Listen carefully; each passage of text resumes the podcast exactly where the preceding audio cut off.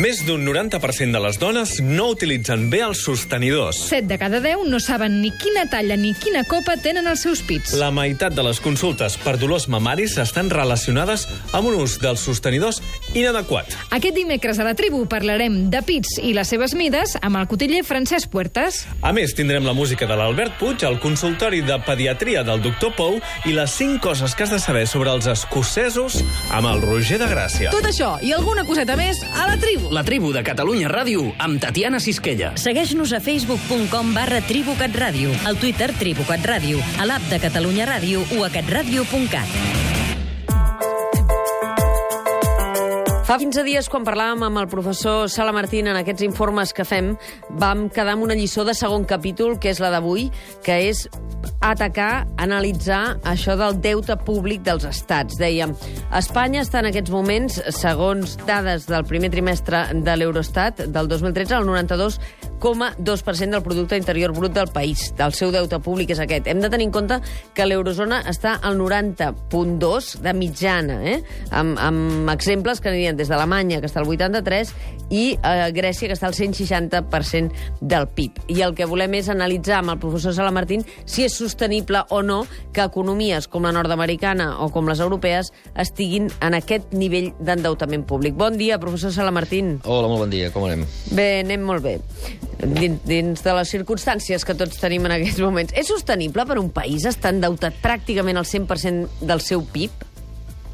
A veure, eh, d'entrada deixa'm eh, explicar què vol dir Sí. això de percentatge del PIB, eh, mm. perquè em, em sembla que molt sovint ens oblidem el, el, el, que Espanya tingui el 92% Sí. del PIB, que el deute espanyol, el deute del govern espanyol representi el 92% del PIB, bàsicament vol dir que si el govern fos capaç de prendre-li els diners a tots els espanyols, tots, A tot tots, el tots que els produïm? diners, A tot tots, el que tots, produïm? Tots, Sí. exacte. Eh, Tardaria el 92% d'un any amb eh, poder pagar el deute. Eh? Mhm. Això és el que vol dir. Uh, dit així, clarament aquesta mesura, el percentatge del deute, el percentatge del PIB que representa el deute, eh, no té massa sentit perquè el govern no pot agafar el 100% dels diners del 100% dels ciutadans. Uh, per tant, el que ens hauríem de fixar, i mai ningú no s'hi fixa, no és eh, quina fracció del PIB representa el deute, sinó quina fracció dels diners que el govern es pot apropiar eh, representa el deute.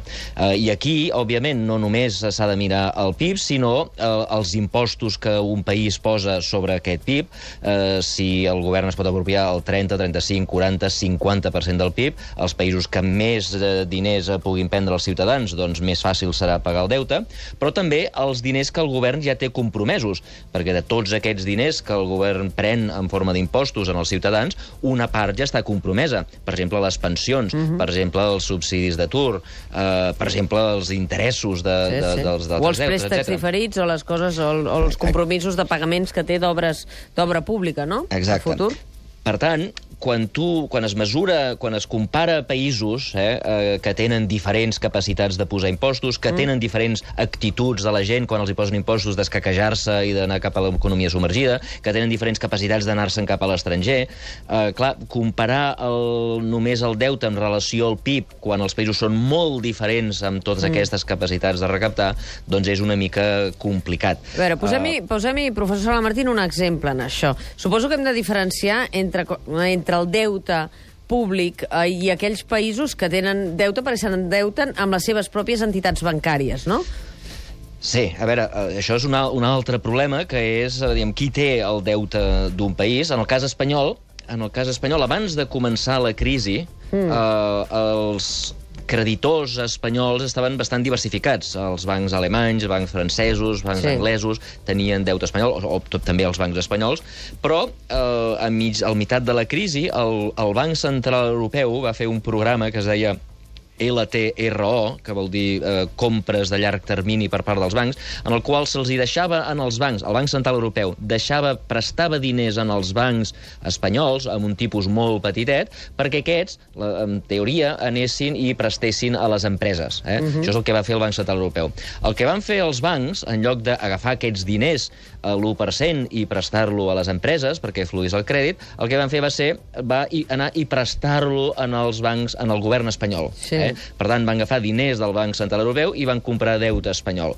Eh, I aquí li van comprar? Doncs en els bancs alemanys, en els bancs francesos i en els bancs anglesos. De manera que eh, el que ha anat passant a mida que anava avançant la crisi és que, a poc a poc, el deute espanyol anava a parar a mans dels bancs espanyols mm. eh, i no a, a part a banda de, eh, diguem a mans dels bancs Sí. sí. estrangers. I això a a vegades pot representar un problema perquè clar, el qui figura que garanteix que un banc espanyol no faci fallida, eh, el que rescata els bancs espanyols és el govern espanyol, però el govern espanyol, doncs, eh, diguem, té el seu deute en mans dels bancs espanyols i es crea un cercle viciós que pot acabar sent molt, molt perillós. Uh, aquest perill és precisament el que fa que el Banc Central Europeu digui, a veure, hem de monitoritzar el deute públic d'aquests països, sobretot els països més crítics, entre els quals, evidentment, hi ha Grècia, hi ha Itàlia. Grècia està, ho recordàvem, el 160% del PIB, això que ens recordava que és tan important de saber què vol dir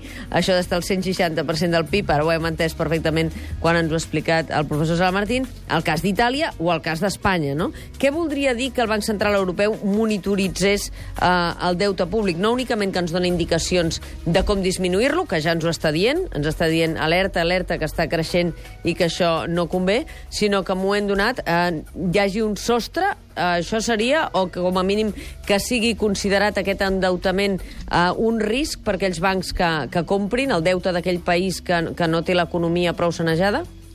Sí, a veure, que, que monitoritzi vol dir, bàsicament, que vigili, que controli, mm. que, no, que les coses no es disparen, però també hi ha rumors que, a banda de vigilar, el que vol, el, el que alguns, eh, diguem, alguna gent important dins d'Europa, entre els quals no hi ha els alemanys, que són els que compten, doncs volen que el Banc Central Europeu doncs imprimeixi diners, eh? el Banc Central Europeu és un banc que té una màquina que posa uns paperets blancs a dins Sí. i pum, surten uns euros, eh? doncs que agafi aquests euros, els hi doni en els, eh, en els bancs, que normalment són ara, com acabo d'explicar, són bancs espanyols, mm. i els hi compri el deute que té el govern d'Espanya. D'aquesta sí. manera trauria eh, del mercat el deute espanyol i aleshores se'l quedaria el Banc Central Europeu. Com que aquests diners han vingut del no-res, perquè diguem, sí. ha agafat uns paperets blancs i els ha imprimit, doncs seria una manera d'eliminar aquest, eh, aquest deute, però, eh, clar, aquest deute llavors passaria a estar en mans del Banc Central, de, de, de, en els balanços del Banc Central Europeu, uh -huh. i, del, diguem, i el Banc Central Europeu és propietat de tots els països europeus. Eh, alguns països tenen una part més important, els països que més han aportat, en aquest cas Alemanya,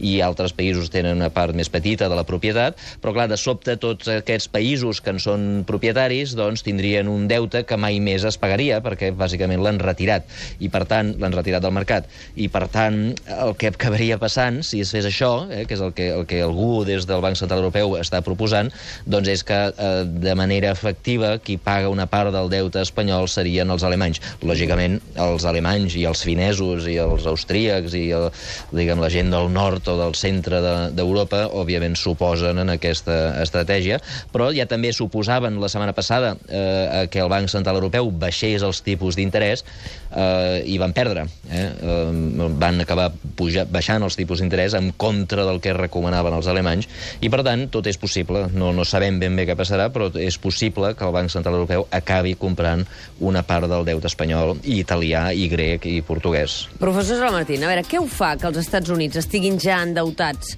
per sobre pràcticament del 100% o en el 100% del seu PIB i ells no tinguin problemes per finançar-se en els mercats i, en canvi, quan es parla d'Espanya, de Grècia i d'Itàlia, es diu alerta perquè hi haurà un moment que no anireu a picar la porta i ningú us donarà diners per, a, per endeutar-vos. Doncs, eh, lògicament, el que hem explicat abans, eh, que el, deute com a percentatge del PIB no és una dada massa rellevant, massa interessant. El que els mercats o el que la, la gent que presta calés en els diferents governs veuen és que els Estats Units té una gran capacitat, eh, de cara al futur, de poder tornar al deute. Per què tenen una gran capacitat de tornar al deute? Doncs perquè és una economia dinàmica que ja està començant a créixer. Eh, les últimes dades de l'economia nord-americana ja indiquen creixements de gairebé 3% del PIB. Això vol dir que la recaptació que s'espera que tingui el govern en els propers mesos i els propers anys doncs comenci a pujar dramàticament i, per tant, que el govern nord-americà doncs, pugui, eh, eh pugui tornar, pugui generar suficients eh, recursos impositius, eh, recursos fiscals, com per pagar el deute. Una altra cosa que passa és que a diferència del que passa amb els europeus, com acabem de comentar, doncs hi ha baralles entre els, eh, els, els alemanys, els austríacs, els espanyols, els italians, que tots volen coses diferents. El Banc Central dels Estats Units, que s'anomena el Banc de la Reserva Federal, doncs aquests van tots a una. I en el cas que es necessités eh, treure deute del sector públic a base d'imprimir diners, doncs tots saben, els inversors saben, que el Banc Central Europeu, com, eh, perdona, el Banc Central dels Estats Units compraria mm. sense cap problema aquests deutes i en no està clar que els europeus ho puguin fer. Per tant, és molt segur que els americans tornaran al deute, no és tan segur que els europeus, sobretot els de la perifèria, que manen poc, doncs puguin fer el mateix. I situem-nos en les economies emergents per tancar aquesta anàlisi, passat pels Estats Units, per l'eurozona, i quan es, som a Àsia ens trobem amb el Japó, que està endeutat fins a les orelles, no? per sobre del 200% del producte interior brut del país, i en canvi la Xina, que segons les dades que tenim, doncs té un endeutament públic pràcticament ridícul amb totes aquestes xifres que, que estem sí. manegant, o aquests percentatges que està al 16%. Sí, a veure, la Xina, eh, depèn de com es miri, eh, el, el govern central xinès té un deute molt petitet, eh? Mm -hmm. eh, però els governs locals que s'han dedicat a fer promocions immobiliàries a base de donar crèdit a constructores, molt semblant al que van fer els bancs i les caixes espanyoles controlades pels polítics, que van donar crèdits amb, amb, amb, diguem, amb, amb orientació política i no pas amb orientació econòmica, doncs aquests eh, governs locals i regionals doncs sí que tenen un deute bastant gros i bastant impagable. Eh? Moltes d'aquestes empreses han fet fallida i eh, diguem, els, els, els governs locals s'assemblen bastant en les caixes espanyoles, eh, però sí que és cert que el govern central té un deute de menys del 16% del PIB i, per tant, eh, eh, es miri com es miri, és un deute petitet. El cas del Japó és una mica diferent. No, no és una mica diferent, és molt diferent.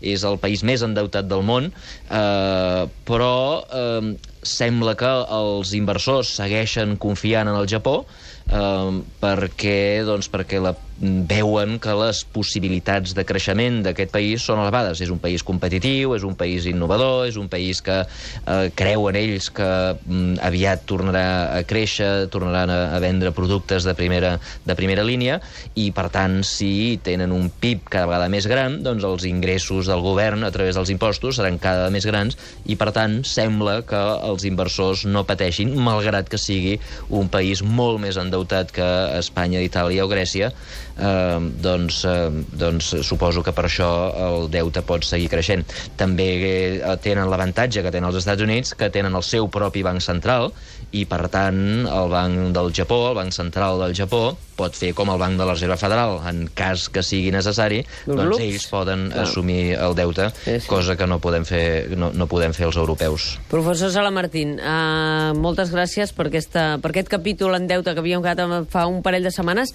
Li demanaré, uh, el trucarem divendres, si li sembla, un cop tindrem ja el diagnòstic definitiu de l'Eurogrup sobre com s'ha fet el rescat bancari a Espanya perquè me'n doni el seu criteri i me n'assenyali quins són els defectes d'aquest procés que ara precisament estem vivint les conseqüències des d'aquí i cada dia eh, doncs seguim també el que, està, el que està explorant el Parlament de Catalunya pel que fa a l'efecte que això ha tingut sobre el panorama de les caixes catalanes. Moltes gràcies, professor. Moltes gràcies, Fins estaré divendres. encantat de parlar divendres. Gràcies.